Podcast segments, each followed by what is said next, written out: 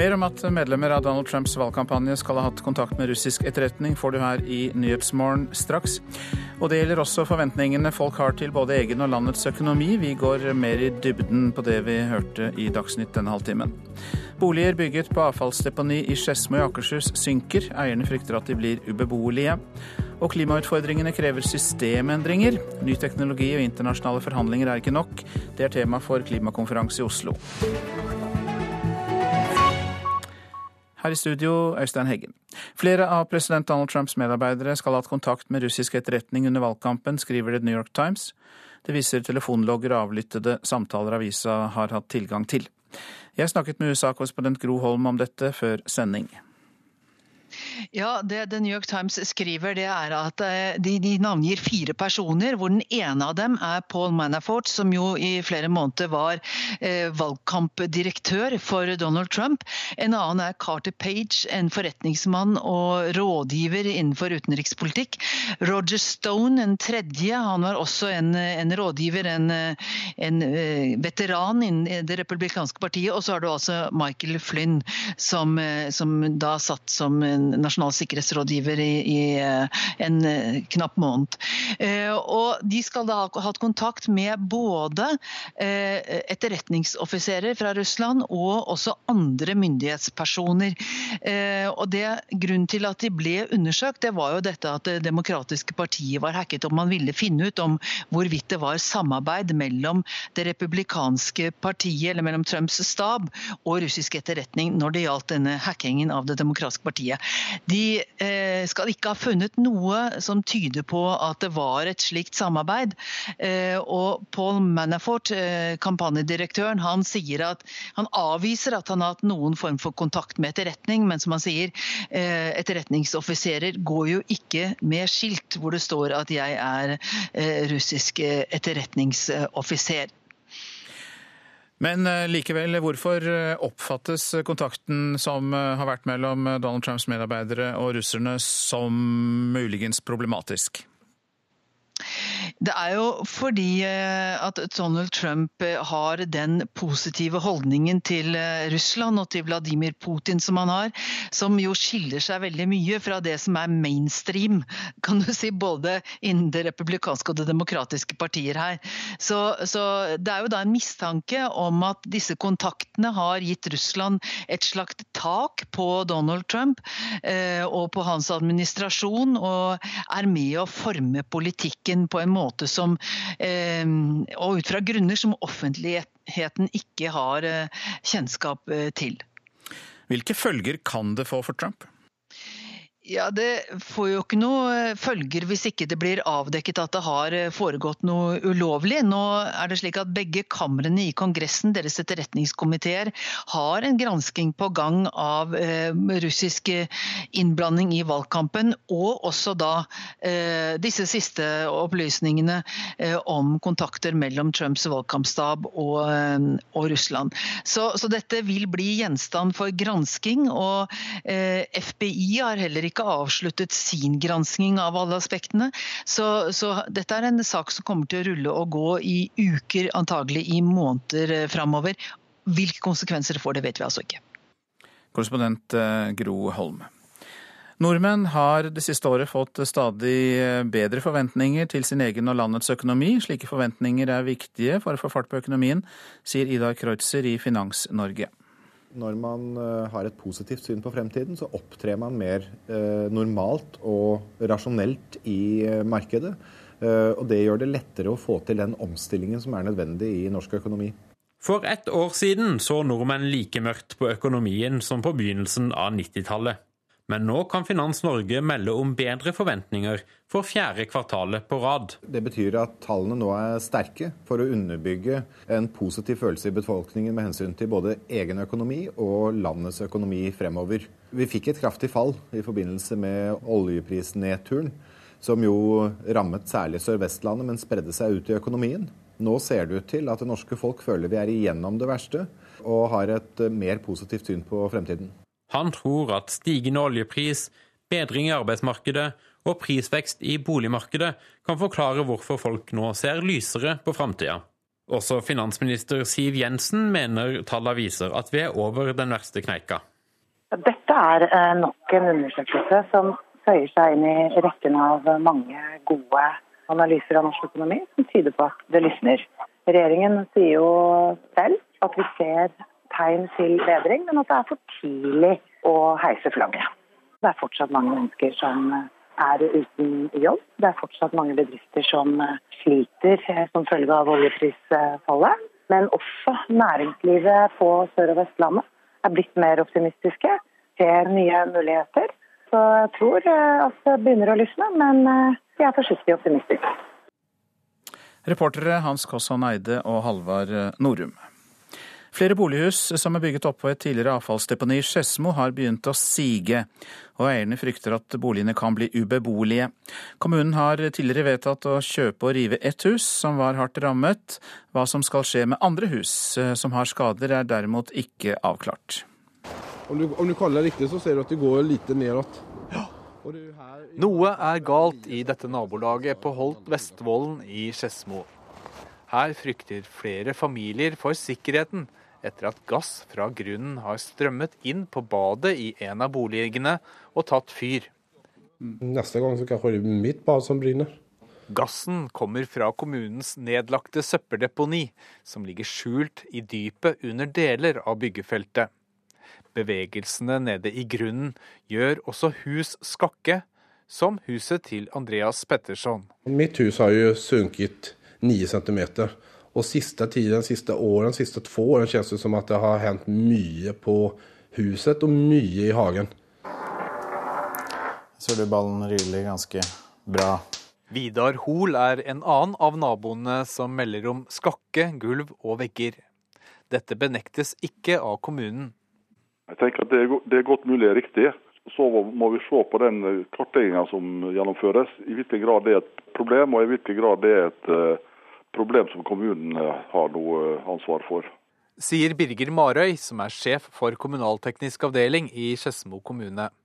Kartleggingen som kommunen nå holder på med, omfatter nærmere 100 hus som kan være utsatt for problemer fra avfallsdeponiet. Så langt er det ikke konstatert gass inne i flere hus, sier han. Ingen nye tilfeller av hus som, er, som har problemer med, med gass. Vi har kanskje kontrollert en 15-20 hus til nå. Og da har vi ikke funnet noe i, i huset. Men... Så det er i hvert fall positivt at de ikke fant noe på den målingen, men det er ingen som sier at det ikke finnes utslag for det. For jeg hørte jo liksom at det påvirker med vær og vind og sommer og vinter og høytrykk og lavtrykk og sånne saker. Huset i nabolaget der baderomsgulvet tok fyr, har kommunen vedtatt å kjøpe og rive. Boligen hadde seget 16 cm ifølge kommunens egne papirer. Hva som skal skje med andre hus i nabolaget som også synker, er ikke avklart. Det gjør Andreas Petterson urolig. Det er sikkert flere millioner å rette opp det, og så får du ikke solgt det og, og sånne saker. Så man, ikke bare at man sitter her med en helsemessig risiko, man sitter her også kanskje med en økonomisk smell framover som man ikke kan bære livet ut heller. Da. Forstår du at dette er en vanskelig situasjon for de som bor oppå deponiet? Det forstår jeg. Men vi gjør det vi kan for å finne ut hvor stort problemet er, og hva som eventuelt kan gjøres med det. Birger Marøy i Skedsmo kommune sa det, til reporter Dag Åsdalen. Vi tar for oss eh, avisene. Hjernedøde kvinner kan brukes som surrogatmødre. Ja, det sier filosof Anna Smaidor ved Universitetet i Oslo til Vårt Land. Kvinner i koma kan være i stand til å bære fram et barn, og det kan spare ufrivillig barnløse for mye lidelse, mener hun. Problemstillingen er ikke aktuell å drøfte i Bioteknologirådet, sier kommunikasjonssjefen der, Halvard Kvale. Dagens Næringsliv lister opp de dårligste aksjefondene. Blant dem er DNBs barnefond, som på ti år har hatt en negativ utvikling på minus 0,9% Vi er ikke fornøyd, svarer eh, DNBs informasjonsdirektør Even Westerfelt, men legger til at de klarte å skape en god meravkastning i fjor. Ukjente kamper på liv og død er oppslag i VG, som har intervjuet norske spesialsoldater som har vært med i krigen mot IS. Kampene har vært skarpere i det siste, og det har vært direkte kamper, sier soldatene. Myndighetene brukte falske basestasjoner 71 ganger i fjor, skriver Aftenposten. For første gang gir norske myndigheter en oversikt som viser hvor ofte slike sendere blir brukt. Basestasjoner kan se hvilke mobiltelefoner som er aktive i et område, og kan brukes til avlytting, kartlegging og hacking. Studenter velger vekk oljefagene, er oppslaget i Bergens Tidende. Oljenæringen har eh, kunnet sile ut og plukke de beste kandidatene, men frykter nå for rekrutteringen. Vi vil trenge de beste hodene i oljenæringen også i mange år framover, sier olje- og energiminister Terje Søviknes. Bankene tjener fett på forbrukslån til møbler, oppussing og reiser, kan vi lese i Dagsavisen. Noen låner ut til opp mot 200 rente i løpet av et år, og Forbrukerrådet ønsker tiltak eh, for maksrente. Debatten om biff og klima fortsetter i Nasjonen. Forskere ved Norges miljø- og biovitenskapelige universitet på Ås sier produksjonen av storfekjøtt ikke må reduseres for å få ned klimautslippene. Bedre kvalitet på fôret er veien å gå, sier de.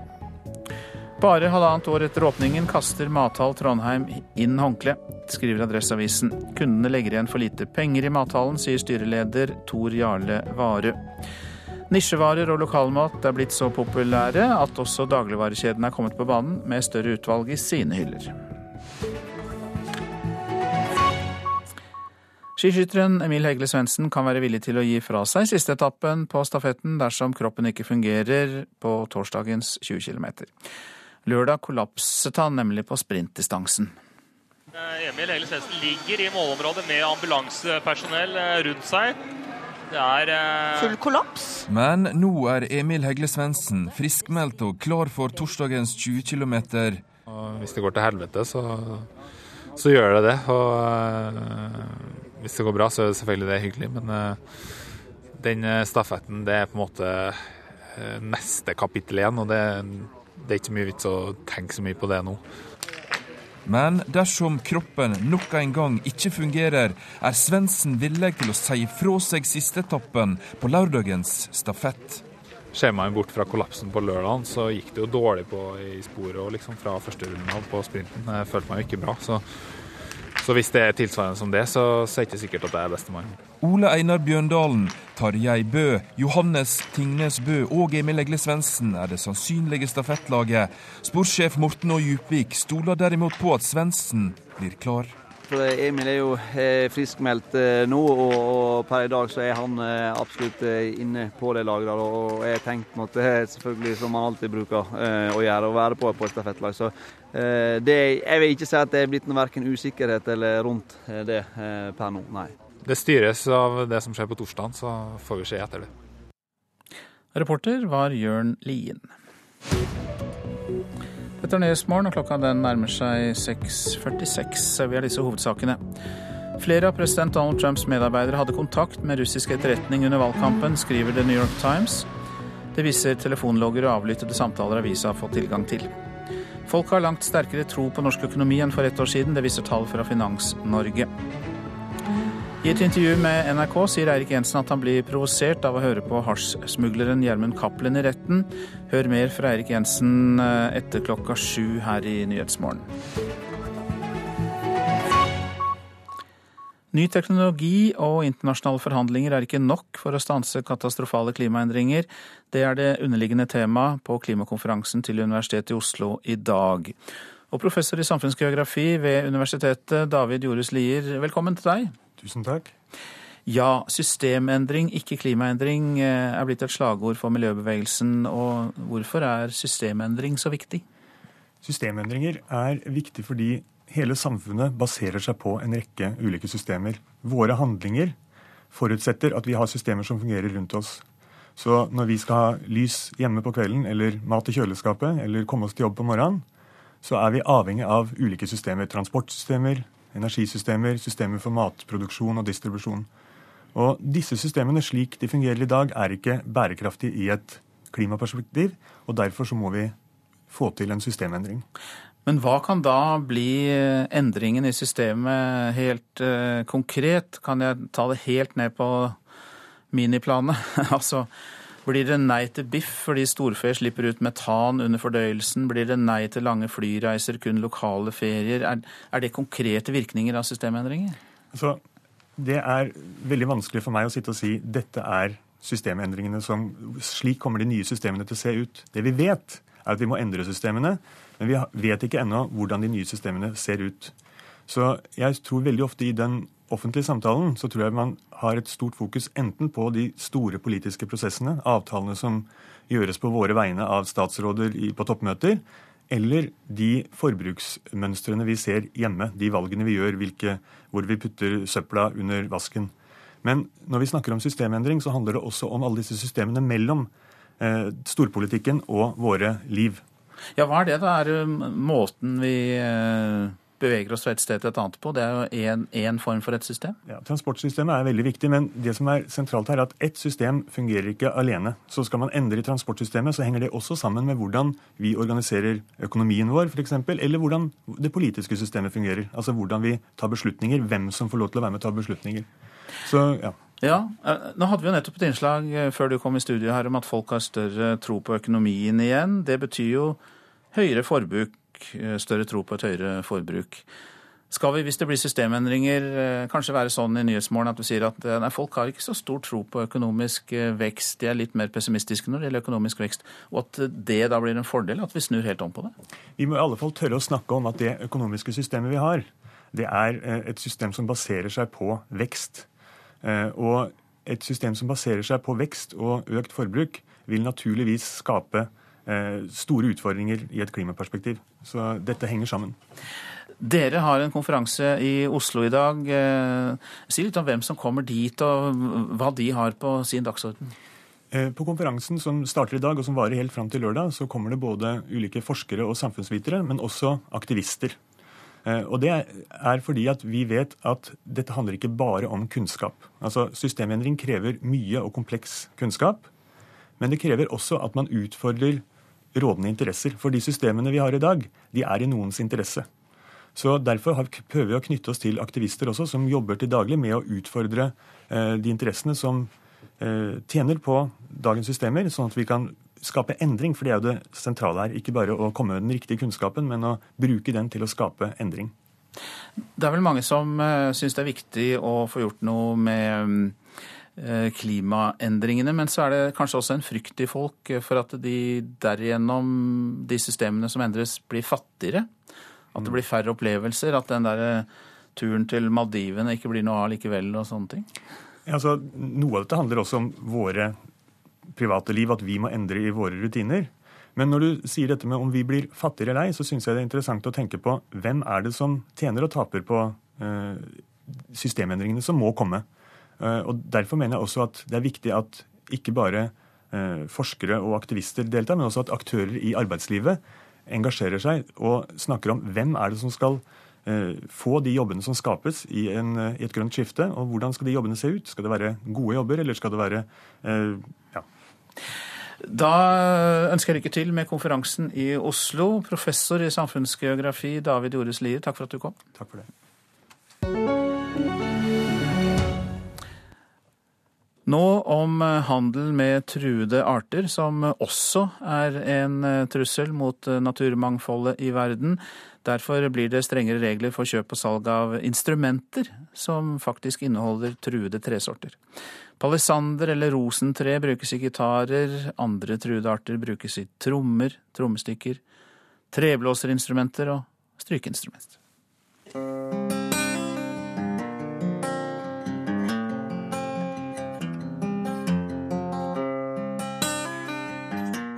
Dette er da en eh, amerikansk Gibson-gitar bygget i Boseman, Montana. Side og bunn og hals er laget av mahogni.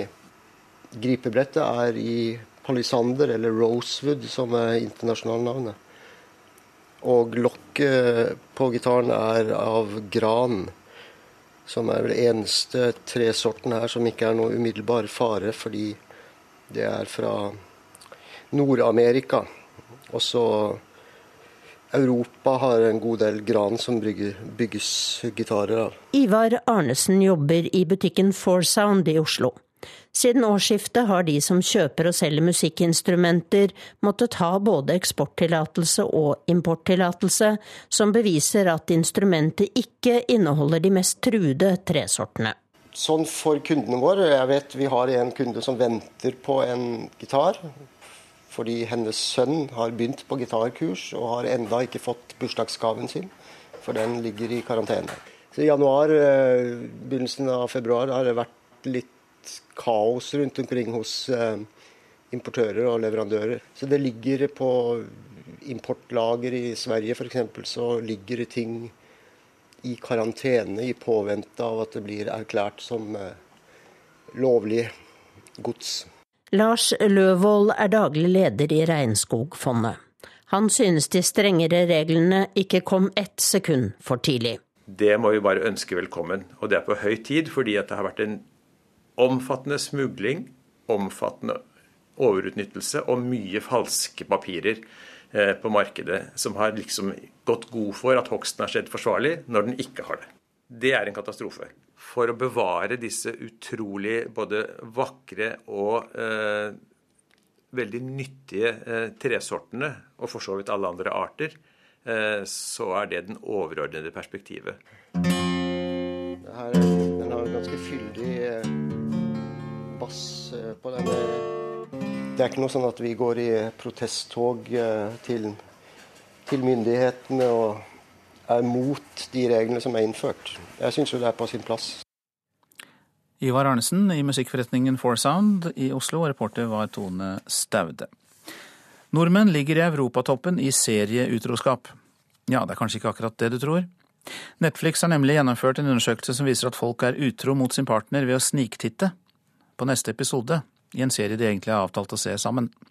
Ifølge undersøkelsen driver hele 48% av oss med serieutroskap.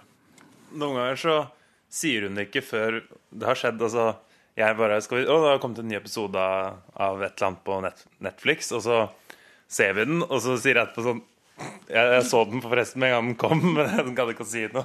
Vi er hjemme hos Trym Mogen og Sandra Yeomans. TV-en er på, og serien Person of Interest er på skjermen. Foreløpig ser de på denne serien sammen. Men erfaringen tilsier at Sandra lett kan finne på å se resten av serien for seg selv, hvis hun syns den er spennende nok. Men når vi begynte å se på The OC, så så vi de to første sesongene sammen, og så så jeg resten alene. Og så fikk Trym aldri sett slutten. En undersøkelse utført av strømmetjenesten Netflix viser at 48% av oss gjør dette, og seriene vi oftest er utro med, er bl.a. Breaking Bad, Orange is the New Black, the animals, the animals, trap, trap, trap, Modern Family og Narcos. Men ifølge relasjonsterapeut og komiker Dora Toralsdottir er ikke akkurat denne typen utroskap av den verste sorten. Jeg har eh, hørt om det, og jeg har også erfart det. Og så har jeg også opplevd det, og det var helt forferdelig. Men eh, hvorfor reagerer man på dette? Nå har vi dette prosjektet sammen, at vi skal se denne serien. Og så kanskje har man kommet veldig inn i det, liker det supergodt. Eh, og når du da opplever at den andre har juksa for det er jo det det egentlig er. Og da er det en følelse av at ja, men dette her hadde vi jo sammen. Nå trenger jeg å se episoder alene uten deg. Og da blir ikke dette her den samme sånn fellesskapsfølelsen, tenker jeg er litt av grunnen til det. Og Netflix de mener det er internettserier som har skylda for dette fenomenet. So back in the day, you used to have weekly episodes that aired at a certain time um, on a certain channel every single week. Dette er talsperson i Netflix, Jay Datani. Han viser til at vi nå har muligheten til å se flere episoder etter hverandre, og vi trenger ikke lenger å vente på at neste episode skal komme på TV. Og han mener at det er derfor mange av oss faller for fristelsen. Hjemme hos Sandra og Trym er det noe som tyder på at det ikke er helt rettferdig når det gjelder serieutroskap. Men jeg føler at uh at du er ganske streng på det. fordi som Forrige helg når hun var bortreist, så så jeg liksom på Nytt på Nytt. Og da fikk jeg sånn Så du Nytt på Nytt uten meg, liksom? Vi pleier å se det på søndager sammen. Så han fikk lov til å se Nytt på Nytt en gang uten deg? Men du kan være enig å si uten han? Ja, det var mest fordi jeg hadde gleda meg til å hjem og se på Nytt på Nytt på søndag. Ja, Samlivs- og utroskapsreporter her var Mari Sand Malm. Så tar vi for oss været. Østland og Telemark og Sørlandet samlet. En del tåke blir det, særlig først på dagen, ellers pent vær. På Sørlandet tilskyende utover kvelden. Fjell i Sør-Norge får pent vær. Utover ettermiddagen tilskyende riktignok, og etter hvert litt snø i vestlige områder. Rogaland og Hordaland sørøst liten kuling på kysten, ellers pent vær. Fra formiddagen tilskyende. Etter hvert litt regn fra vest og utrygt for underkjølt regn i indre strøk. Sogn og Fjordane får sørlig liten kuling utsatte steder. Stiv kuling på kysten nord for Florø og kortvarig sterk kuling ved Stad. Pent vær riktignok, men fra formiddagen også tilskyende der, og til kvelden litt regn, utrygt for underkjølt regn i indre strøk. Møre og Romsdal for det meste pent. Fra utpå ettermiddagen sørlig liten til stiv kuling utsatte steder på Sunnmøre. Og da blir det også tilskyende, og til kvelden utrygt for litt regn. Trøndelag stort sett pent vær, om kvelden tilskyende litt regn også der. Nordland på kysten sørvestlig periodevis liten kuling, enkelte regn- og sluddbyger. Flest blir det i ytre strøk nord i Nordland. Troms sørvest stiv kuling utsatte steder og litt sludd, seinere regn i lavlandet. Nedbør, og det blir mest av det ytre strøk av Troms. Og så til Finnmark. Sørvestlig stiv kuling utsatte steder, på vidda opp i liten kuling. Etter hvert sludd og snø, først i vest, seinere som regn i lavlandet i ytre strøk. Spitsbergen nordøstlig stiv kuling utsatte steder og litt snø. Og vi tar med oss temperaturer klokka fire. Svalbard lufthavn minus sju, Kirkenes minus åtte, Vardø minus tre, Alta minus én, Tromsø pluss én, Bodø pluss fire, Brønnøysund pluss én, Trondheim minus tre, Molde minus to, Bergen minus én, Stavanger null, Kristiansand-Kjevik minus sju, Gardermoen minus åtte, Lillehammer minus ni, Røros minus sju og Oslo-Blindern minus fem.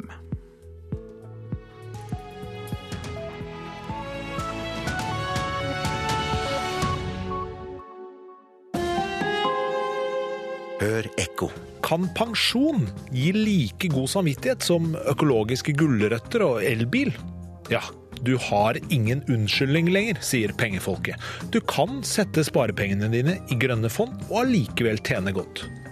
Hva sier miljøfolket? Er dette sant? Ekko 9 11 i NRK P2. Flere av Donald Trumps medarbeidere har hatt kontakt med russisk etterretning før valget, ifølge amerikansk avis. 19 fylker kommer til å bli 10, uansett hva de selv vil, sier Venstre og Fremskrittspartiet. Her er NRK Dagsnytt klokken sju.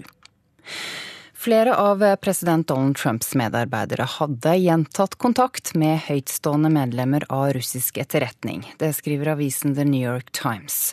Kontakten skal ha skjedd i året frem til valget. I går måtte lederen for Det nasjonale sikkerhetsrådet, Michael Flynn, gå av etter å ha holdt samtaler med den russiske ambassadøren skjult. Nå har USAs president et problem, sier korrespondent Gro Holm. Det er jo fordi at Donald Trump har den positive holdningen til Russland og til Vladimir Putin som han har, som jo skiller seg veldig mye fra det som er mainstream, kan du si, både innen det republikanske og det demokratiske partier her.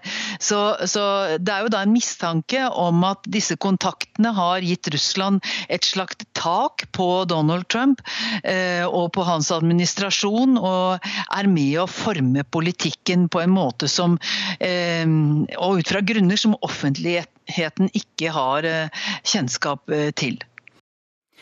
Dagens 19 fylker kommer til å bli ti i løpet av våren, uansett hva fylkene selv vil. Det sier både Venstre og Fremskrittspartiet. Hordaland og Sogn og Fjordane har vedtatt å slå seg sammen, forutsatt at de får nye oppgaver fra staten. Men nå presiserer flere stortingspolitikere at sammenslåingen kommer uansett. Vi kommer til å vedta om lag ti nye fylkeskommuner i Norge i løpet av vårparten. Det sier Venstre sin stortingsmann André Skjelstad. Det er Venstre og KrF som har ivra for ei sammenslåing av dagens fylke, men så langt har nesten ingen fylker vært interessert i å slå seg sammen. Den største avtalen som har skjedd, er mellom Hordaland og Sogn og Fjordane. Der må komme flere og tyngre oppgaver. Sier fylkesordfører i Sogn og Fjordane Jenny Følling. Hun sier at om Venstre og regjeringa ikke peker på flere oppgaver enn de har gjort så langt, vil ikke avtalen mellom Sogn og Fjordane og Hordaland gjelde lenger. Nei, da er jo forutsetningene som vi har lagt inn, ikke til stede. Reporter Alexander Åsnes. Senterpartiet ønsker å gjenåpne lensmannskontorer som er eller blir lagt ned i strid med kommunenes egne ønsker. Partiet mener dette gjelder rundt 50 kommuner. Senterpartiet mener det ikke har vært godt nok kjent at tjenester som f.eks. utstedelse av pass kan bli samlet på noen få store kontorer. Hårek Elvenes i Høyre mener forslaget går på sikkerheten løs. Det er naivt å tro at politibygg i seg selv gir trygghet, sier han. NRK Dagsnytt, Ida Creed.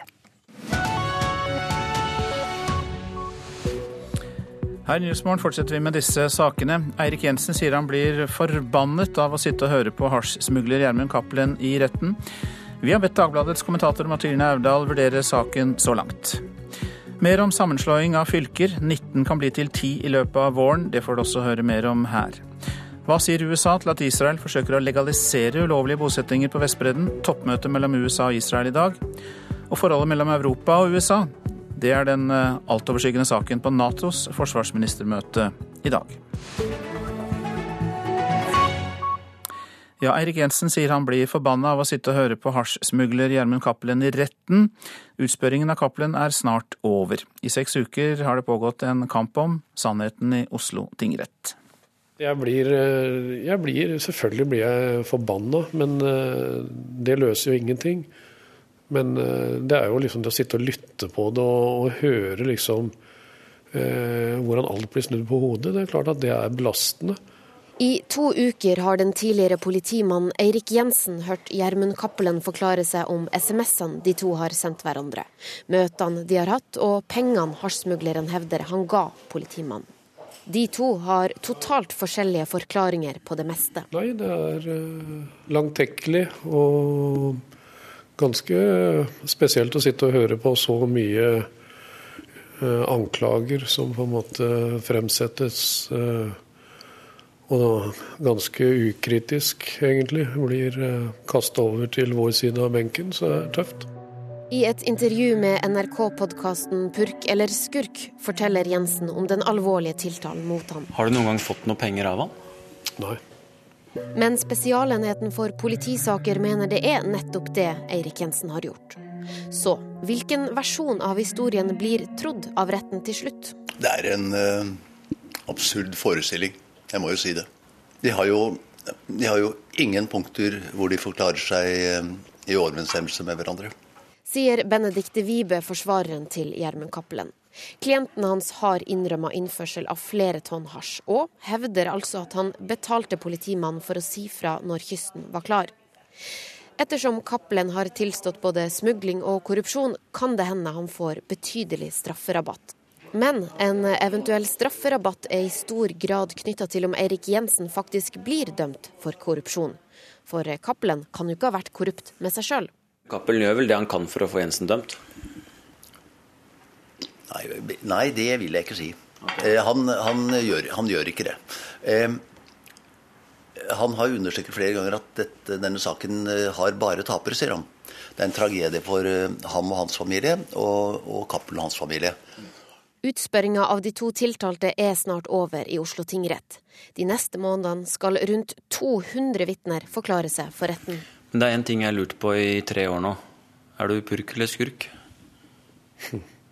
Det vil vel kanskje man få et svar på i sluttenden. Altså, vi har jo så vidt begynt ennå. Eh, begynt nå, holdt jeg på å si. Så vi får jo se. Det er umulig å si hva, hva som blir enden på visa. Men jeg, jeg, jeg, har en god følelse, og jeg har ikke noe å skjule, egentlig. Hva mener du at du er, da? Jeg mener at jeg har vært purk i 36 år. Ja, det sa Eirik Jensen. Hele intervjuet med ham kan du høre i sjette episode av podkasten Purk eller skurk, som du finner på nrk.no, eller der du vanligvis leter etter dine podkaster. Og reportere Runar Henriksen Jørstad og Irina Kjelle. Martine Aurdal, velkommen. Takk skal du ha. Kommentator i Dagbladet, og du følger jo rettssaken tett. Og så må vi spørre deg òg, da. Er Eirik Jensen purk eller skurk? Ja, nei, jeg er glad jeg ikke er dommer og skal dømme i denne rettssaken. For foreløpig er det veldig vanskelig å si.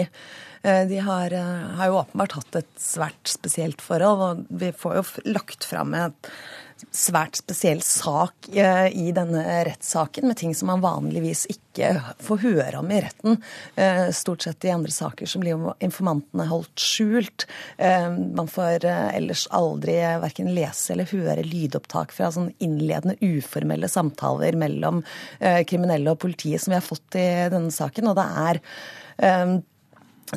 ja, en del av eh, politiarbeidet som man, eh, som man vanligvis ikke får innsyn i. Men, eh, men her er det jo en, en, type kontakt mellom politiet og kriminelle som, som det er vanskelig å, å, dra helt skarpe linjer i. Hvor langt skal de tøye seg i dialogen med dem? Så det avgjørende blir jo hvorvidt Jensen har fått eh, penger fra Cappelen eller ikke. Og Foreløpig så er det kommet en del indisier, men, eh, men, det har ikke kommet svar på hvor det skal ha blitt av alle disse pengene. Spørsmålet ble stilt i det innslaget vi hørte. Prøver Gjermund Cappelen å få Eirik Jensen dømt for å få, for å få sin strafferabatt? Så Cappelen har jo all egeninteresse av å få Jensen dømt. Han kan i beste fall være ute av fengsel om fem år eh, hvis han får maksimal strafferabatt for å ha hjulpet til med å oppklare grov kriminalitet som ellers ikke ville blitt eh, oppklart. Og han er jo åpenbart en ekstremt kynisk fyr. Vi snakker om en storsmugler som har operert eh, med hasj i tonn eh, og milliarder av kroner opp gjennom årene, og som jo har også involvert sin egen sønn i virksomheten, slik at han har fått fengselsstraff. Så at hans troverdighet er jo i utgangspunktet ikke på topp, da. Cappelens forsvarer karakteriserer jo det som eh, har pågått nå som en absurd forestilling. Kan du være enig i det? Ja, det er mye som, eh, som er absurd i, i, denne forestillingen. Men det er jo også et, et dypt Eh, alvor over det. Eh, selv om det her er eh, mange elementer som vanligvis hører hjemme i, i fiksjonen og i, i krimsjangeren og kan kalles en spektakulær sak på mange måter, så er det noe med hvordan det norske rettsvesenet fungerer, som bringer alt ned på et helt sånn nøkternt nivå, som både er litt høytidelig og, og veldig tørt når man får eh, omsatt disse kodene og tekstmeldingene i et knusktørt eh, juridisk språk for å dra det ned og kunne analysere det. Til slutt, eh, det skal jo fortsatt høres 200 vitner, da, men det er to vidt forskjellige versjoner. På nåværende tidspunkt, som det heter, hvilken versjon tror du blir trodd? Cappelens eller, eller den tiltalte politimannen Jensens? Jeg tror det er vanskelig faktisk eh, for eh, altså Spørsmålet er hva dommerne syns, men, men for oss også på tilhørerbenken og tro 100% på noen av forklaringene. Jensen gikk veldig hardt ut og sa at han ikke ante at eh, Gjermund Cappelen var kriminell, og det fremstår som veldig pussig. Men, men hva som egentlig sannheten rundt disse tekstmeldingene er helt umulig å dømme. Altså, dette kodespråket det virker, det. Det er blomstrende, og det er uh, veldig vanskelig å, å, oversette til vanlig språk. Uh, selv uh, nå som vi har gjennomgått det med i 22 dager. Vi er et stykke inn i denne rettssaken. Den er langt fra ferdig. Takk for at du kom, Martine Aurdal, kommentator i Dagbladet. Vi skal snakke om norsk politikk og om fylkene våre. Dagens 19 kan bli 10 i løpet av våren, uansett hva fylkene selv vil, sier både Venstre og Fremskrittspartiet. Hordaland og Sogn og Fjordane har vedtatt å slå seg sammen, forutsatt at de får tilført nye oppgaver fra staten. Men nå presiserer flere stortingspolitikere at sammenslåingen kommer uansett for andre fylker, om de er fornøyd med sine nye oppgaver eller ei. Eh, vi kommer til å vedta eh, om lag ti nye fylkeskommuner i Norge i løpet av vårparten. Det sier Venstre sin stortingsmann André Skjelstad. Det er Venstre og KrF som har ivra for ei sammenslåing av dagens fylke, men så langt har nesten ingen fylke vært interessert i å slå seg sammen. Den største avtalen som har skjedd, er mellom Hordaland og Sogn og Fjordane. De vil likevel bare slå seg sammen om det nye storfylket får tilført flere oppgaver. Dagens fylke har først og fremst ansvaret for videregående skoler og samferdsle. I tillegg har Stortinget foreslått at de nye storfylka annet kan styre med kulturminnevern, landbruk og veiplanlegging. Men det er for lite. Der må komme flere og tyngre oppgaver. Sier fylkesordfører i Sogn og Fjordane Jenny Følling. Hun sier at om Venstre og regjeringa ikke peker på flere oppgaver enn de har gjort så langt, vil ikke avtalen mellom Sogn og Fjordane og Hordaland gjelde lenger. Nei, da eh, er jo forutsetningene som vi har lagt inn, eh, ikke til stede. Men vi mener jo at det vil være utrolig dumt å, å ikke ta opp det som vi mener er det viktigste med regionreforma. Det er at det nivået må styrkes med oppgaver. Litt av grunnen til at Venstre og KrF sliter sånn med å få regjeringa med på flere oppgaver, er fordi regjeringspartiene Høyre og Frp ikke engang ser poenget med å ha fylke. Vi kunne klart oss i et land med fem millioner mennesker med to folkevalgte nivå, nemlig stat og kommune. Sier leder av kommunalkomiteen på Stortinget, Helge André Njåstad fra Frp. Han vil heller ikke nevne flere oppgaver som de nye fylkene kan ta hånd om. Vi flytter ikke oppgaver for å la fylkespolitikere ha noe å gjøre på. Eh, vi flytter kun oppgaver hvis oppgavene kan bli løst bedre for innbyggerne i Norge. Vi kan få bedre tjenester. Sogn og Fjordane og Hordaland har vært klare på at de bare vil slå seg sammen om de får nye oppgaver. Men det trenger ikke ha så mye å si, for det er uansett Stortinget som bestemmer hvor mange fylker vi skal ha her i landet. Og stortingsmannen sier jo at Vi kommer til å vedta en regionreform, eh, ferdig med det nå i løpet av relativt kort tid. Så hvis eh, Sogn og Fjordane og Hordaland sier at nei, vent litt, eh, vi har ikke fått så mye oppgaver som vi trodde, vi trekker oss, så har ikke det noe å si, for Stortinget kommer til å slå dem i hop uansett.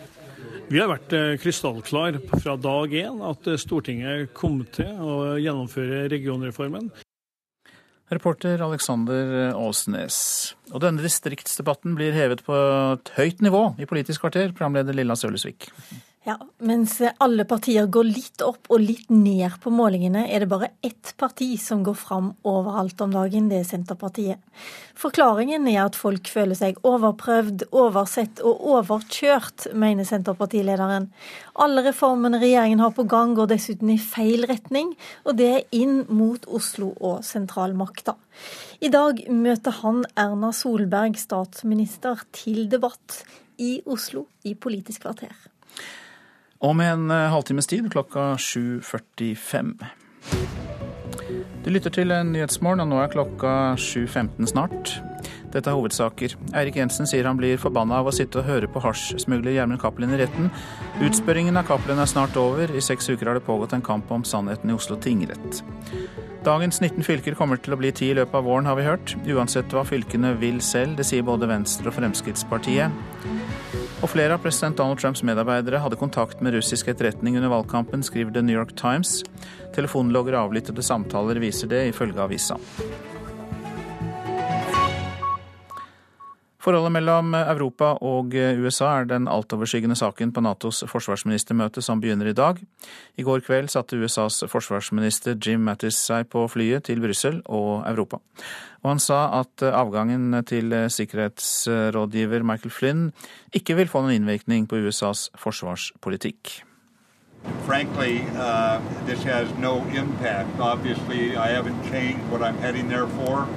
Uh, it doesn't change my message. And who's on the president's staff is who I will work with. Uh, and so it's, uh, you know, full speed ahead. Ja, så langt forsvarsminister Jim Mattis. Og nå til deg, europakorrespondent Philip Lote. Ja, står Mattis nå sterkere etter at Flynn måtte gå av? Det er jo mange som mener det at Mattis eh, tilhører en fraksjon som har en mer moderat stemme i Trump-administrasjonen, sammen med utenriksminister Rex Tillerson, og at disse to nå eh, fyller et slags eh, tomrom, og at Mattis dermed kan være enda tydeligere på hvor han mener USA bør ligge i forsvarspolitikken. Og han har jo tidligere kalt Nato den mest suksessrike alliansen i historien. Eh, men så er det selvfølgelig til slutt avgjørende hva Trump mener om alliansen, og det må også Mattis ta hensyn til når han eh, møter eh, sine kolleger i Brussel i dag. Det blir kanskje et litt uvanlig og spesielt Nato-møte dette her, Lote? Det blir uvanlig i den forstand at Mattis sier han først og fremst kommer for å lytte ute, eh, mens eh, de europeiske forsvarsministrene sier at de er mest interessert i å høre hva Mattis sier. Så hvis eh, det er hvordan de kommer til å operere, så kan det jo bli ganske stille møter. Men, men det de europeiske forsvarsministrene er ute etter, er jo en forsikring, gjentatt forsikring om at USA er der, eh, at Nato er eh, viktig for USA, og at alliansen står støtt. og Dette er da selvfølgelig etter uttalelsene fra Trump tidligere om at Nato har gått ut på dato, at de europeiske landene ikke betaler det de skal, at alliansen ikke er verdt det USA må betale for den. Og det vil også komme i dag. Eh, dette med byrdefordeling og hvor mye Europa er nødt til å betale for dette forsvarssamarbeidet, det vil også Mattis eh, ta opp. Og Målet som Nato selv har satt, er jo at eh, alle land skal betale 2% av sin nasjonaløkonomi inn i forsvarsprosjekter og inn i Forsvaret. I dag er det kun eh, fem som gjør det, og det er Storbritannia, Estland, Hellas og Polen, i tillegg til USA. Og USA bruker jo hele 4% av sin nasjonale økonomi på forsvar. Og så er det det å bekjempe terror. Det er noe Trump har sagt at Nato bør gjøre i sterkere grad. Eh, blir det også tema? Det blir eh, en av de mer konkrete sakene. Eh, og Her har jo USA støtte av eh, land som Italia og, og Tyrkia, selv om de legger litt forskjellig vekt på hva terrorbekjempelse er. Trump har jo sagt at han mener Nato er viktig for, eller kan brukes til å bekjempe terror, og da mener han egentlig IS. Mens Italia har et litt bredere syn på dette. her. De ser på en rekke trusler fra sør, da, eller uro, sikkerhetsproblemer i sør, som både handler om stater som feiler, type Syria, eh, Libya. Eh, migrasjon ser de på som et sikkerhetsproblem, i tillegg til terror. Men det de konkret kommer til å gjøre, er å opprette et slags eh, senter, forsterke senteret eh, som Nato har i Napoli, for å se på sikkerhetsrisikoer eh, i Sør-Europa. Europakorrespondent Philip Lote, takk skal eh, du ha. Flere viktige reiser nå. Israels statsminister Benjamin Netanyahu besøker nemlig USA i disse dager. I går møtte han utenriksminister Rex Tillerson, i dag skal han møte president Donald Trump. Midtøsten-korrespondent Kristin Solberg, hva blir de viktigste temaene under besøket? Ja, For Israel så blir det viktigste å få klare svar om Donald Trumps politikk i regionen. Den israelske regjeringen ser på Trump som en sterk alliert, men de opplever også at hans politikk er litt uklar. Så Netanyahu kommer til å ønske klare svar om, om Trumps politikk angående bosetninger på den okkuperte Vestbredden. Og de kommer også til å ønske å snakke om den amerikanske ambassaden. Trump lovet jo før innsettelsen at han skulle flytte ambassaden fra Tel Tel Aviv til Jerusalem, men etter at han ble innsatt, så har han ikke vært, eh, vært, like klar på det. Og I tillegg så kommer Trump og Netanyahu til å diskutere den regionale eh, situasjonen, og spesielt det som er sikkerhetspolitisk viktig for Israel, som situasjonen i Syria, IS og forholdet til Iran. Israel forsøker jo å legalisere ulovlige bosetninger på den okkuperte Vestbredden. Hvordan vil de prøve å få USA til å støtte det? Vi har jo sett at den israelske regjeringen har gjort mye på bosetningsfronten etter at eh, Trump ble president, fordi han, de opplever ham som en støttespiller. De har jo bl.a. gitt tillatelse til bygging av flere tusen nye enheter. I dag så ønsker Netanyahu å få forsikringer fra Trump om at Israel kan eh, fortsette å bygge og utvide, utvide bosetninger, men det er ikke sikkert at han får det. Trump har jo utnevnt en, en ambassadør til Israel, David Friedman, som er positiv til bosetninger og har tidligere uttrykket støtte til dem selv. Men det kan late til at han har endret noe mening. For i et intervju med en israelsk avis før helgen så sa han jeg er ikke en som tror at det å utvikle disse bosetningene er bra for fred. Så får vi jo se hva han sier på, på pressekonferansen med Netanyahu i dag. Der kommer uh, dette mest sannsynlig til å bli et tema.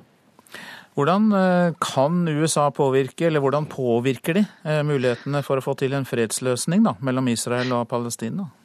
Ja, Trump har sagt at han er interessert i å presse på for å gjenoppta samtaler mellom Israel og palestinerne. De har jo ligget døde siden, eh, siden 2014. I går så sa en anonym tjenestemann i Det hvite hus at en tostatsløsning som ikke ikke fører til fred, ikke er et mål. Og at hvis fred er målet, så uh, om det kommer i form av en tostatsløsning eller uh, noe annet.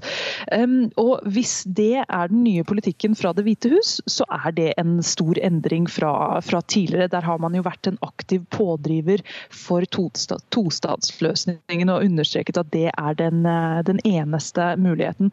Men det var en anonym tjenestemann som sa dette i går. Det amerikanske utenriksdepartementet sa at de ikke var blitt informert om at det skal være en så stor endring. Eh, så vi får se hva, hva uttalelsen blir etter møtet i dag. Takk skal du ha, Midtøsten-korrespondent eh, Kristin eh, Solberg.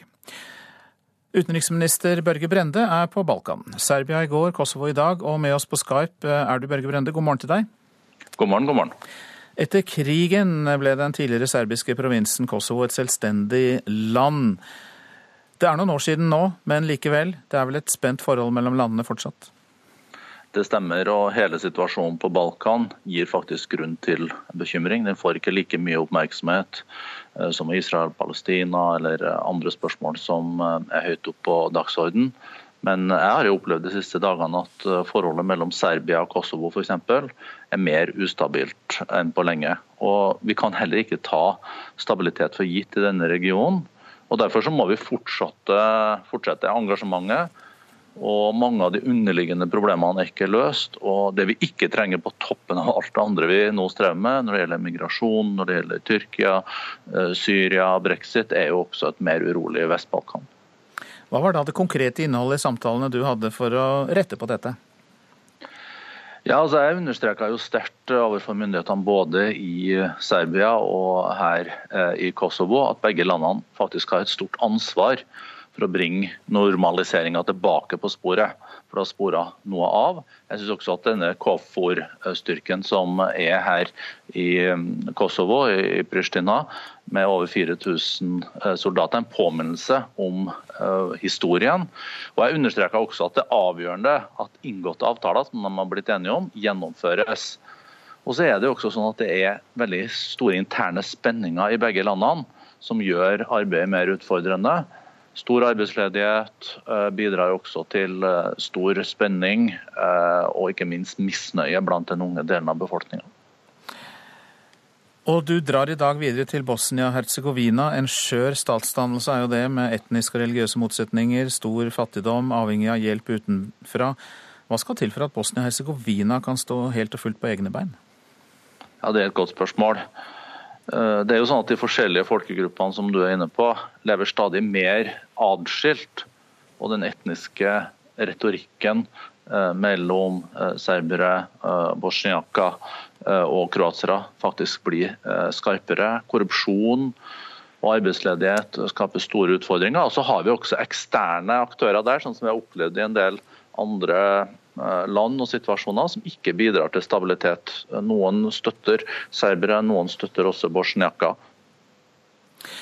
Takk skal du ha for den rapporten fra Balkan, Børge Brende, utenriksminister, som er på rundreise blant eh, landene der. Så til det avisene er opptatt av. Hjernedøde kvinner kan brukes som surrogatmødre. Ja, det sier filosof Anna Smaidor ved Universitetet i Oslo til Vårt Land. Kvinner i koma kan være i stand til å bære fram et barn, og det kan spare ufrivillig barnløse for mye lidelse, mener hun.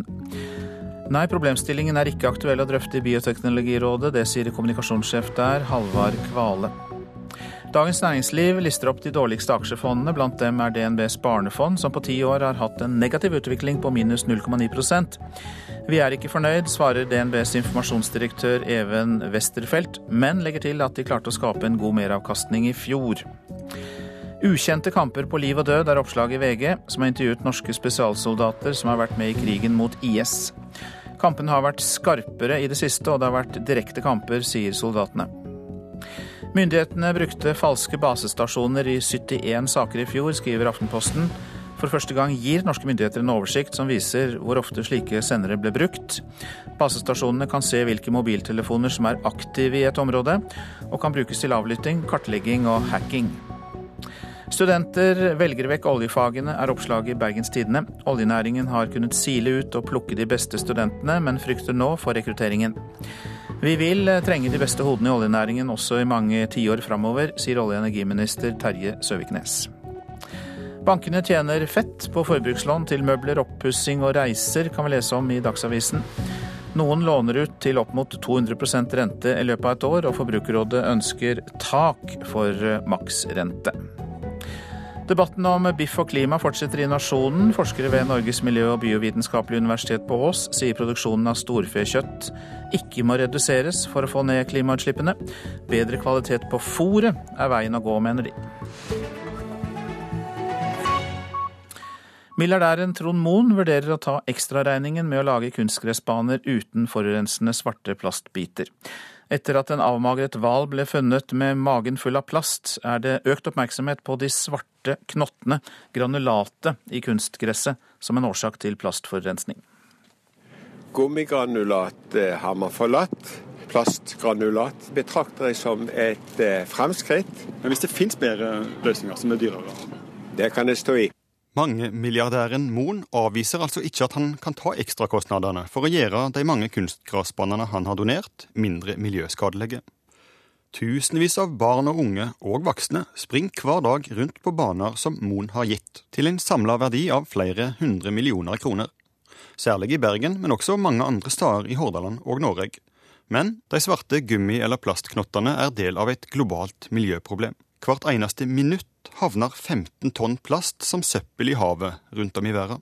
Ikke bare store plastflak og gjenstander forsøpler, men også enorme mengder mikroplast fra til dømes bildekk, maling, kosmetikk og kunstgrasbaner. Bergen kommune har fått mange slike baner av Trond Moen opp gjennom åra. Daglig leder Torbjørn Iversen i kommunens idrettsservice sier at grasmatta holder i om lag tolv år. Årlig så har vi en tre til fire utskiftninger av kunstgressbaner i Bergen kommune. Da bytter vi hele gressmaten, inklusiv granulat. Hvor mange tonn var det som ligger på en ny bane? Sted mellom 50 til 70 tonn med granulat når banen er ny. I fjor fylte Bergen kommune i snitt på et halvt tonn granulat per bane. Trond Moen ser for seg følgende løsning. De etterfylles jo etter hvert, så da fikk man jo etterfylle det med det nye granulatet. Men å fjerne plastknottene, beholde gressmatta og heller fylle på med et alternativt granulat, er vanskelig, sier Iversen. Det er ikke noe vi gjør per i dag. Hvis det er sånn at eh, plastgranulatet skulle være en forurensningskilde, OK, da lyt meg vurdere det. Og reporter her var Leif Rune Løland. Produsent for Nyhetsmorgen Ingvild Ryssdal. Her i studio Øystein Heggen. Den tyrkiske grensebyen Kilis har tatt imot flere flyktninger enn sin egen befolkning. Det er noe andre kan lære av, sier borgermesteren der. Hør mer fra ham i reportasjen etter Dagsnytt. Og duellen i Politisk kvarter er mellom Erna Solberg og Trygve Slagsvold Vedum.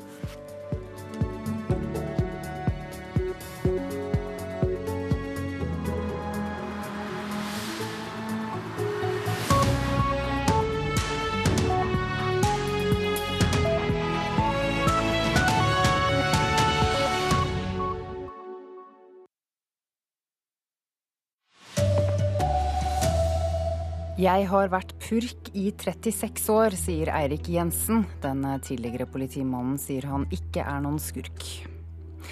Nye problemer for Donald Trump. Flere medarbeidere har hatt kontakt med russisk etterretning. Nordmenn ligger på europatoppen i serieutroskap. Jeg har blitt bedratt selv, og jeg har vært utro. Jeg skal være helt ærlig om det. God morgen, her er NRK Dagsnytt klokken 7.30. Politimannen Eirik Jensen sier han blir forbannet av å høre på hasjsmugleren Gjermund Cappelen i retten. Utspørringen av Cappelen fortsetter i dag. Helt siden rettssaken startet har det vært en kamp om sannheten i Oslo tingrett. Jeg blir, jeg blir Selvfølgelig blir jeg forbanna, men det løser jo ingenting. Dag etter dag sitter Eirik Jensen og hører Gjermund Cappelen forklare seg om SMS-ene de to har sendt hverandre, møtene de har hatt, og pengene hasjsmugleren hevder han ga politimannen. De to har forskjellige forklaringer på det meste.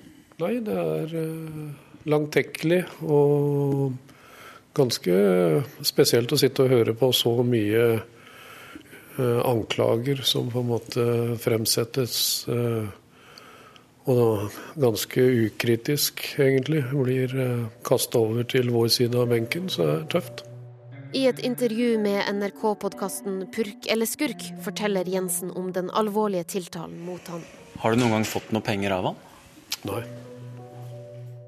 Men Spesialenheten for politisaker mener det er nettopp det Eirik Jensen har gjort. Forsvareren til Gjermund Cappelen, Benedicte Wibe, sier klienten hans står fast på at Jensen hjalp til å smugle hasj i mange år, og at han tok imot penger for jobben. Det er en uh, absurd forestilling. Jeg må jo si det.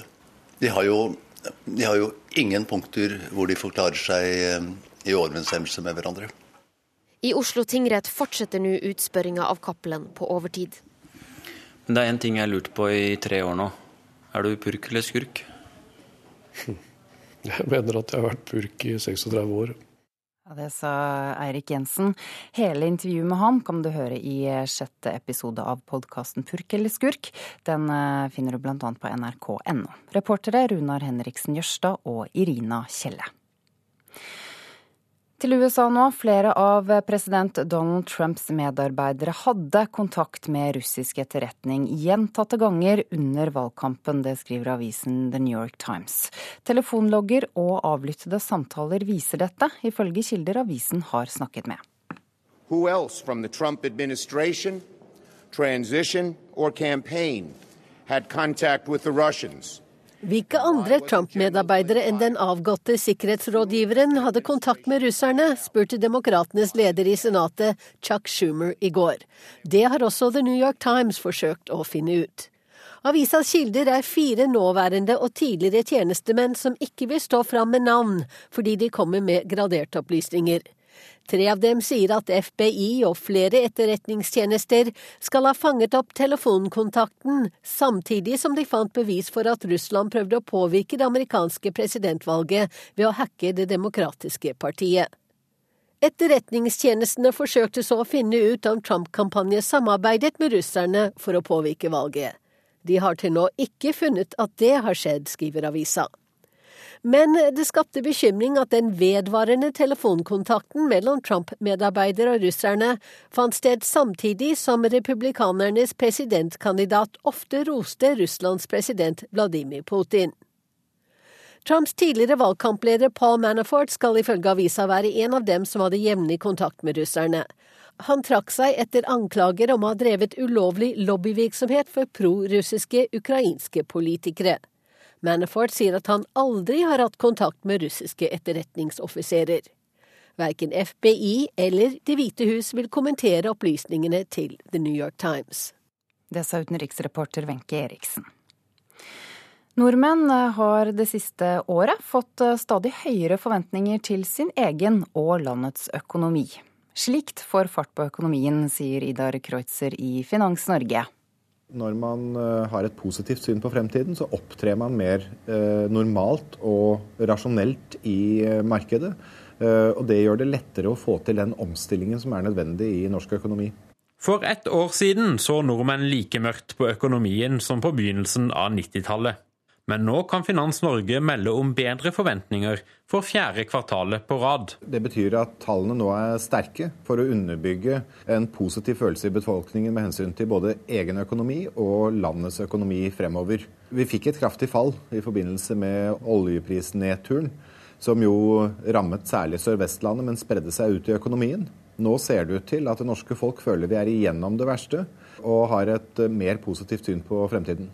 Han tror at stigende oljepris, bedring i arbeidsmarkedet og prisvekst i boligmarkedet kan forklare hvorfor folk nå ser lysere på framtida.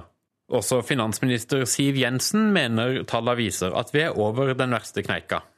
Dette er eh, nok en undersøkelse som føyer seg inn i rekken av mange gode analyser av norsk økonomi som tyder på at det lysner. Regjeringen sier jo selv at vi ser tegn til bedring, men at det er for tidlig å heise flagget. Reportere her var Halvard Norum og Hans Kosson Eide. Dagens 19 fylker kommer til å bli ti i løpet av våren, uansett hva fylkene selv vil. Det sier både Venstre og Fremskrittspartiet. Hordaland og Sogn og Fjordane har vedtatt å slå seg sammen, forutsatt at de får nye oppgaver fra staten. Men nå sier flere stortingspolitikere at sammenslåingen kommer uansett om fylkene er fornøyd med nye oppgaver eller ikke. Eh, vi kommer til å vedta eh, om lag ti nye fylkeskommuner i Norge i løpet av vårparten. Det sier Venstre sin stortingsmann André Skjelstad. Det er Venstre og KrF som har ivra for ei sammenslåing av dagens fylke, men så langt har nesten ingen fylker vært interessert i å slå seg sammen. Den største avtalen som har skjedd, er mellom Hordaland og Sogn og Fjordane. Der må komme flere og tyngre oppgaver. Sier fylkesordfører i Sogn og Fjordane Jenny Følling. Hun sier at om Venstre og regjeringa ikke peker på flere oppgaver enn de har gjort så langt, vil ikke avtalen mellom Sogn og Fjordane og Hordaland gjelde lenger. Nei, da eh, er jo forutsetningene som vi har lagt inn, eh, ikke til stede. Men det trenger ikke ha så mye å si, for det er uansett Stortinget som bestemmer hvor mange fylker vi skal ha her i landet. Vi har vært eh, krystallklar fra dag én at Stortinget kom til å gjennomføre regionreformen. Erna Solberg drar på turné i Senterpartiland, mens Trygve Slagsvold Vedum har på seg findressen i radiodebatter. Så fem dem er best for distriktene. Klokken 7.45 møtes de i Politisk kvarter i NRK P2. Reporter i innslaget var Alexander Åsnes. Så skal vi høre at nordmenn ligger på europatoppen i serieutroskap. Det er bare Spania som ligger over oss på listen. Det viser en undersøkelse gjennomført av strømmetjenesten Netflix. Serieutroskap går ut på å sniktitte på neste episode av en serie man har avtalt å se med partneren sin, og ifølge denne undersøkelsen driver hele 48% med denne typen utroskap. Noen ganger så sier hun det ikke før det har skjedd. altså jeg bare skal vi, Å, det har kommet en ny episode av et eller annet på Netflix, og så ser vi den, og så sier jeg etterpå sånn jeg, jeg, så den forresten med en gang den kom, men jeg gadd ikke si noe. Vi er hjemme hos Trym Mogen og Sandra Yeomans. TV-en er på, og serien Person of Interest er på skjermen.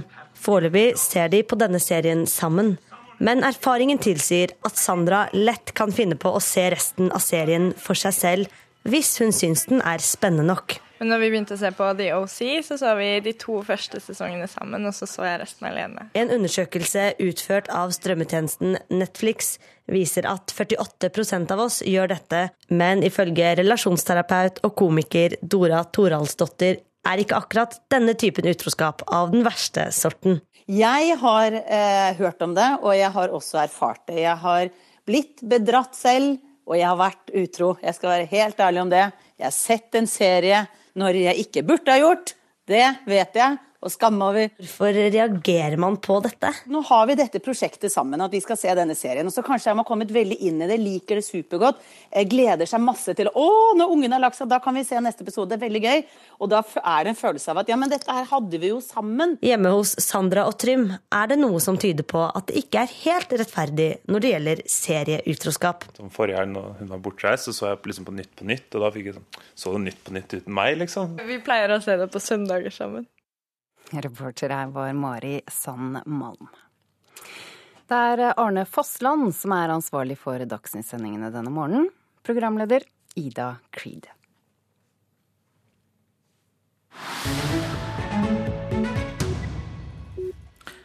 Nyhetsmorgen skal til den tyrkiske grensebyen Kilis. Den har nemlig tatt imot flere flyktninger enn sin egen befolkning. Borgermesteren sier sameksistensen i byen er et eksempel som andre land bør lære av. Korrespondent eh, Sissel Wold har sendt oss denne reportasjen derfra. En liten jente i rosa jakke ser tankefullt på meg. Først litt mistenksomt, men når jeg smiler, rekker hun meg sakte en rød ball. Hun er ett av de syriske barna som er i en liten barnehage, mens moren hennes lærer å sy i etasjen over, i et murhus i byen Kilis, like ved grensen til Syria.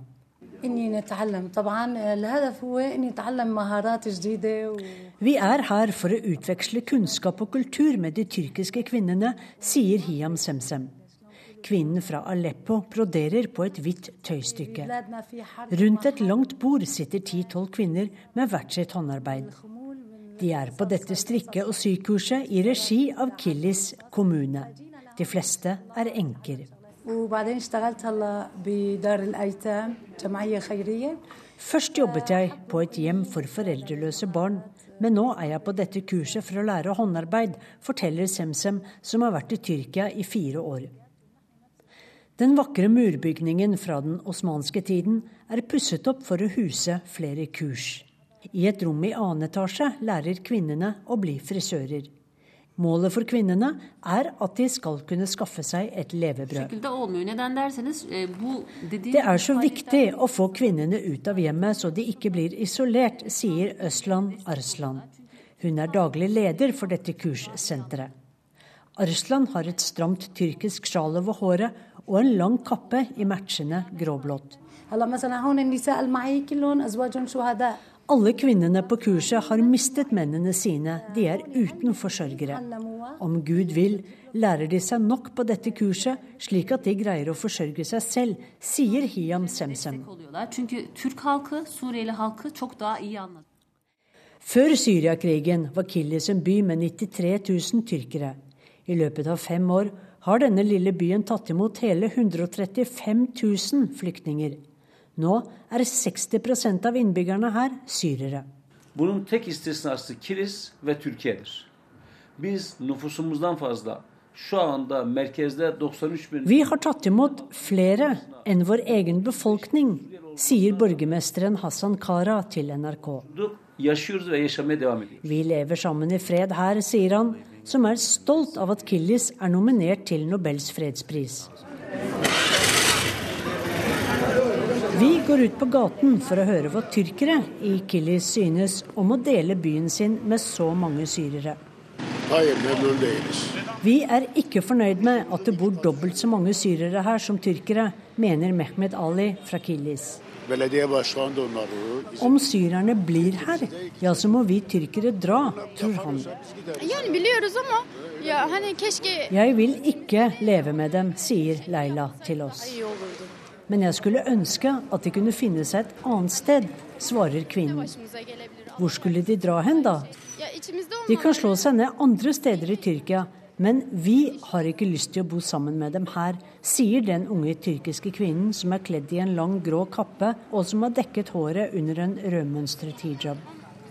Lederen på opplæringssenteret mener derimot at Tyrkia har en forpliktelse til å hjelpe flyktninger fra nabolandet. Şöyle bir şey diyebiliriz. Biz e, köklü bir milletiz. Gjestfrihet er viktig for oss tyrkere. Vi må hjelpe syrerne. Og dessuten, en dag er det kanskje vi som er rammet av krig, minner Østland Arsland om. Dette er hovedsaker i Nyhetsmorgen. Jeg har vært purk i 36 år, sier Eirik Jensen. Den tidligere politimannen sier han ikke er noen skurk. Til NRK sier han at han blir forbannet av å høre på hasjsmugleren Gjermund Cappelen i retten. Flere av president Donald Trumps medarbeidere hadde kontakt med russisk etterretning under valgkampen, skriver The New York Times. Telefonlogger og avlyttede samtaler viser det, ifølge avisa. Nordmenn har det siste året fått stadig høyere forventninger til sin egen og landets økonomi. Slike forventninger er viktige for å få fart på økonomien, sier Idar Kreutzer i Finans-Norge. Så er det straks Politisk kvarter ved Lilla Sølesvik.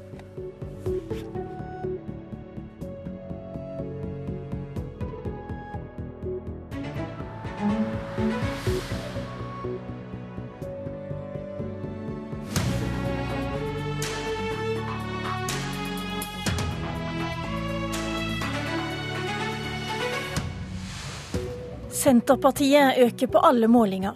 Partilederen mener det er fordi folk har fått nok av sentraliseringen. Men Senterpartiet lever av og vinner på å stemple andre, mener statsministeren.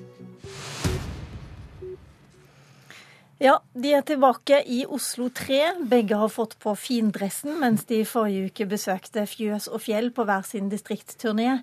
Han mener hun serverte glansbilder.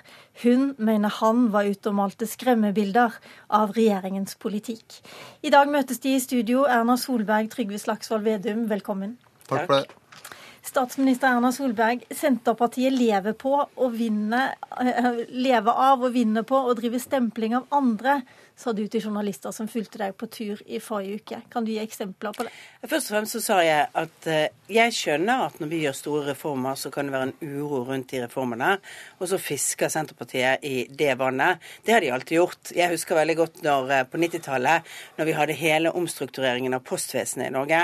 Da var Senterpartiet høyt og lavt og imot nedleggingen av alle postkontor, og veldig imot Post i butikk, som jo har vist seg å være kanskje en av de mer fremtidsrettede måtene å gi bedre tjenester til folk rundt omkring i distriktene. Men det er nå de går fram, og det er nå du har jo, sagt det. Hva er stemplingen nå? Nei, men at uroen tar jo jeg på alvor. For jeg vet at når vi gjør endringer, så vil folk stille spørsmål blir dette bra nok, kommer det til å bli godt nok. Det er lett å lage politikk i et sånt, sånt rom.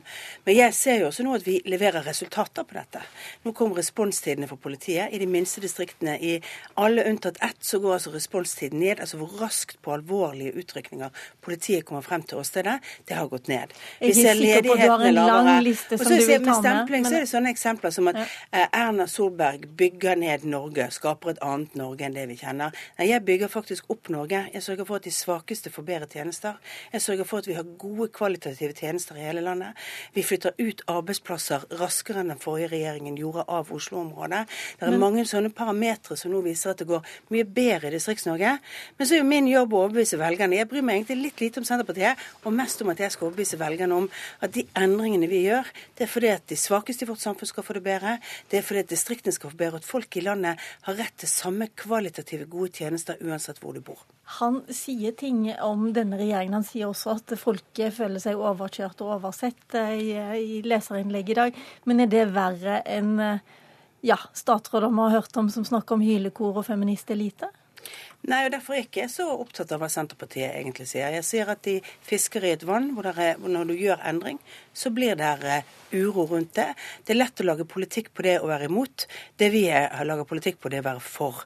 Det å gjøre Norge sterkere fremover. Det å sørge for at alle får gode tjenester. Det å sørge for at den lille jenten som kom inn på Bergen politikammer eh, i i fjor, og som rapporterte om store overgrep og filming av de overgrepene, som ble til hele Dacom, at den kvaliteten og kunnskapen som de har vist i den saken på Bergen politikammer, som har avdekket store overgrep mot, mot barn i vårt land og rundt omkring i verden, det skal det være mulig å gjøre i hele landet. Ok, men La oss nå høre litt med han som driver med disse, denne fiskingen i urørt eh, eller i, i vann.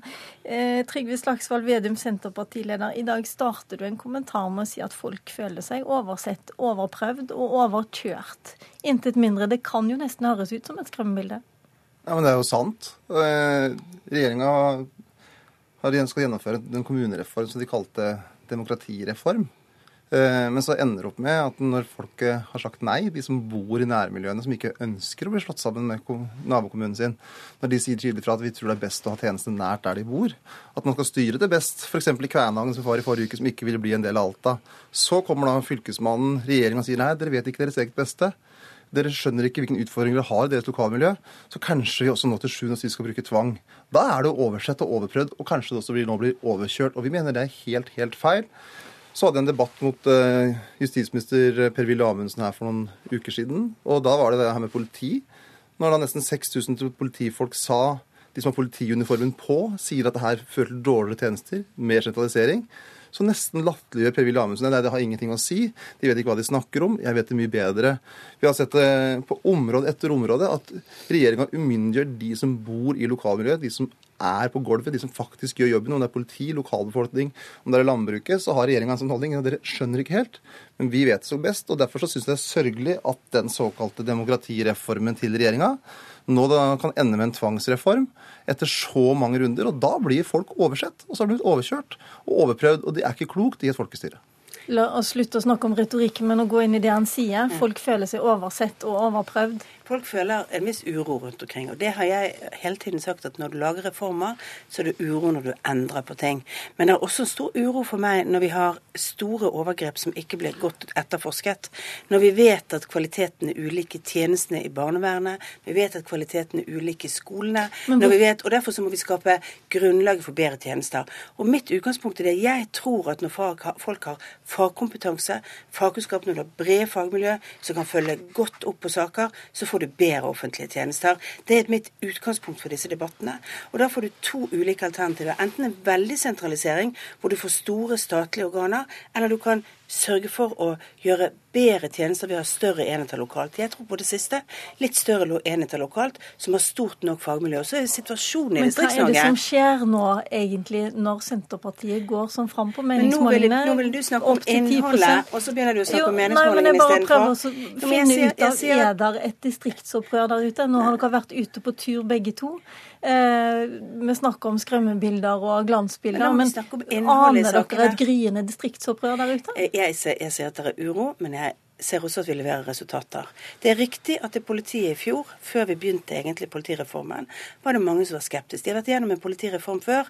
Den hadde ikke den politireformen som vi har i dag, hvor vi skal ha mer ressurser. Den hadde ikke en regjering som har bidratt med 1300 flere årsverk nå, 300 nye i statsbudsjettet i år. Altså en opptrapping av politikapasiteten. Og så ser vi altså på første året hvor vi har på med reformen, at eh, responstiden går ned. Vi måler jo for første gang responstid. Vi har lagt krav til hva politiet skal gjøre. Det er jo en del av denne reformen.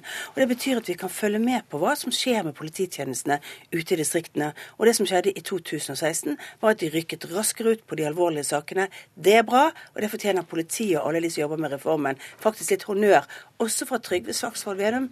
For selv om det ikke tjener han at det er mange positive ting som skjer i distriktene, så må du jo se det. Det er færre, det er færre gårdsbruk som nedlegges under denne regjeringen enn han var under Senterpartiet. Nå var det veldig mange ting samtidig her, Vedum skal få svare. Altså, jeg elsker norske distrikt, og jeg storkoser meg når jeg er ute og reiser og møter veldig mye flinke folk.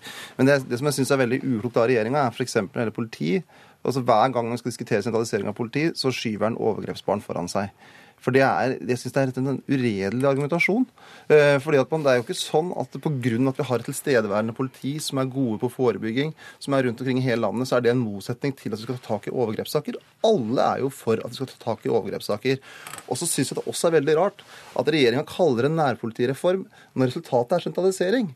Da bør han heller si da, at han mener at man skal legge ned 120-130 tjenestesteder lokalt. At man skal halvere, over halvere antall eh, politidistrikt. Og kaller, jo, vi skal sentralisere for at den skal bli bedre, men så kaller den nærpoliti, for da høres det finere ut. Akkurat som man kaller det demokratireform fordi at det høres finere ut, men når det kommer til stykket, så er det tvang som er svaret. Når det kommer til stykket på politiet, så er det sentralisering som er svaret. Og når jeg er ute nå, så er det en ny uro som dukker opp, og det er det som skjer på Heimevernet. For nå skal vi ha en enorm sentralisering også av landets beredskap, og det er så uklokt. Vi trenger tilstedeværelse av beredskapstjenester rundt omkring i hele Norge. Og det er der regjeringa tar så feil. for alt skal sentraliseres.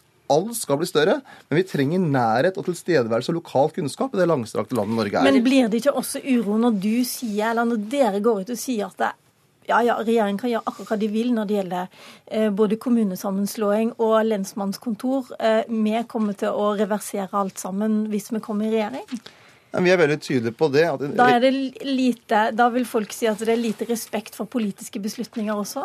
Vi, har, altså vi, mener i Norge, som vi har et eh, folkestyre, så er folkesuvereniteten det bærende. Og det som er det bærende elementet vårt, når det gjelder kommunesammenslåing, er hvis folket har sagt nei. Lokalt f.eks. i Nord-Norge, så mener vi at de som bor der, vet bedre enn når det sitter en fire-fem stykker nå. da, Eh, mellom regjeringspartiene og støttepartiene og diskutere på et eller annet kontor i, på Stortinget eller regjeringa. Men det er vel også poenget at folket nå har stemt inn en blå-blå regjering med to støttepartier, og de kommer fram til en beslutning jo, som vi, kanskje du også skal godta, fordi det er folket vi, sin beslutning? Nei, Vi mener at det, når det har vært folkeavstemninger, når det har vært lokale prosesser, så skal vi respektere lokaldemokratiet. Og vi mener at man faktisk vet det bedre hvordan man organiserer sine kommuner, f.eks. i Finnmark enn man vet på et kontor i Oslo. Akkurat som vi mener det er helt feil at man i Finnmark skulle sitte og styre trikketrafikken i Oslo sentrum. Så vi har tru på det lokale vettet, og det har vært tydelige hele veien. Altså Vi skal hjelpe de kommunene som har ønske, om lokalbefolkningen ønsker å slå seg sammen. De skal vi hjelpe. Men når lokalbefolkningen ikke ønsker det, man ønsker å ha det tjenestene nært, man ønsker å satse på det lokale, og man har sagt nei til sentralisering i folkeavstemning, så skal vi respektere det og oppheve eventuelle tvangssammenslåinger. Jeg håper regjeringa nå tar til vettet og snur, så at de ikke bruker tvang nå den eh, neste måneden. Men det virker seg om, at regjeringa tror at det er klokere å ta den beslutningen i Oslo enn at den blir tatt lokalt. Ja, Erna Solberg, hvorfor er det sentrale vettet så mye bedre enn det lokale vettet? det, det er det jo ikke. Og jeg har jo brukt mye av mitt liv på nettopp å jobbe for desentralisering av myndigheter. Er derfor vi flytter mer oppgaver ned til kommunene. Det er derfor vi sørger for at de skal ha mer beslutningsrett i kommunene. Men da må de også ha et kompetanse og et kunnskapsnivå på de som jobber i kommunene, som gjør at de som skal få tjenester, f.eks., får gode nok tjenester. Og det er litt av utfordringen. I mange kommuner i Norge så er de så små at det er vanskelig at de må ha en allmennpraktiker, en som kan mye på forskjellige områder, istedenfor å ha den kunnskapen som de trenger for de absolutt svakeste. Derfor er det en helt real diskusjon både i politireformen og i kommunereformen å diskutere hvordan de svakeste gruppene For det er jo sånn at de som har mest behov for det offentlige, de har behov for kompetent offentlig sektor som er dyktige på å gi de tjenestene. Og det er jo ikke kommunegrensene det er tjenestene som leveres som er viktig, og da må det være gode. Det er litt sånn forakt for den fagkunnskapen som folk har som er høyt utdannet, som er spesialiserte, som kan jobbe med de sakene. Men så har jeg lyst til å si det er jo sånn at eh, kommunereformen er en suksess. Det er over 90 kommuner som har gjensidige vedtak om på frivillig basis. Og Hoveddelen av den reformen kommer til å være på frivillighet. Og Så kan vi diskutere er det demokrati hvis én kommune sier nei, de andre kommunene sier ja, og de blokkerer for den løsningen. Flertallet i det området kan jo ha vært for en kommunesammenslåing, for bedre totale tjenester, men fordi at dagens kommunegrenser har organisert seg sånn at én kommune sier nei. Det er jo en litt spesiell type demokrati. For hvis flertallet i området er for, så er det faktisk et flertall i demokratiet som er for å lage en større og sterkere eh, kommune. Ja, altså vi er for, altså Hvis én frir til en annen, så er vi, vi er mot tvang både når det gjelder mellom mennesker og når det gjelder mellom kommuner. Altså det, det må være to som sier ja, ikke bare én som vil. Uh, og så gjelder det med omsorgstjenester, så er det jo sånn at det Erna Solberg sier er jo ikke riktig. For at på den tyngste oppgaven til norske kommuner så er folk mest fornøyd med tjenestene i mange av de små kommunene. For folk ønsker tjenestene nært der de bor.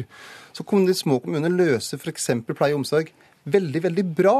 Så det derre eh, svartmalinga av at mange små kommuner er så dårlige, det er jo ikke rett. Og når det gjelder barnevern, som også Erna Solberg ofte kjører foran seg, så vet hun at bildet er veldig sammensatt. Det er noen av de små kommunene som har utfordringer, noen av de store kommunene som har store utfordringer. Men det er ikke sånn at de store eller de små er eh, bedre. Jeg har bare lyst til å spørre deg om en ting. Eh, for du har jo også blitt stempla en del forskjellige ting, og en mm. av de er populist, og det syns du er greit, har jeg skjønt? Ja, hvis, er, hvis, man blir stempla som populist fordi at det er tjeneste nært folk, og sier nei til sentralisering, så får de kalle meg hva jeg vil. For det viktigste for meg er innholdet i politikken, og vi brenner for å se hele Norge, og vi ønsker at tjenester der der folk bor. Så har din nestleder også sagt at uh, det Norge har, det er en sunn nasjonalisme. Er ja, du enig i det? Ja, Vi har tro på nasjonalstaten som ramme, nasjonalstaten som en ramme for omfordeling, og at det er den svakestes vern. Og Det er jo noe av det fine med nasjonalstaten Norge at når det skjer en ulykke i Finnmark, så er vi engasjert i det og prøver å sette inn ressurser for å hjelpe de. Og i motsetning til Høyre, som er veldig sånn EU-vennlige, så tror vi at det er bedre at mest mulig beslutninger tas i Stortinget, færrest mulig i byråkratiet i Brussel. Og der er det ulike tilnærminger, men den norske nasjonalstaten er en suksess, ikke en fiasko. Er dette en nasjonalisme som bekymrer deg, Erna Solberg? Det bekymrer ikke meg i det hele tatt. Jeg mener at vi har en positiv nasjonalisme i Norge. Jeg mener vi er et land som klarer å mobilisere stor medfølelse både innenfor og utenfor landets grenser. Jeg mener vi er et land som er i stand til å løfte mye i fellesskap. Eh, når jeg reiser rundt i Norge, så møter jeg mye frivillighet. Det er en del av det limet og grunnen til at jeg også har relativt stor tillit til politikere i Norge. Og da må jeg bare spørre helt til slutt, er, du, er du bekymra for Senterpartiets fremgang? Nei, jeg er ikke bekymret for, for Senterpartiets fremgang, fordi jeg vet at våre løsninger er bedre.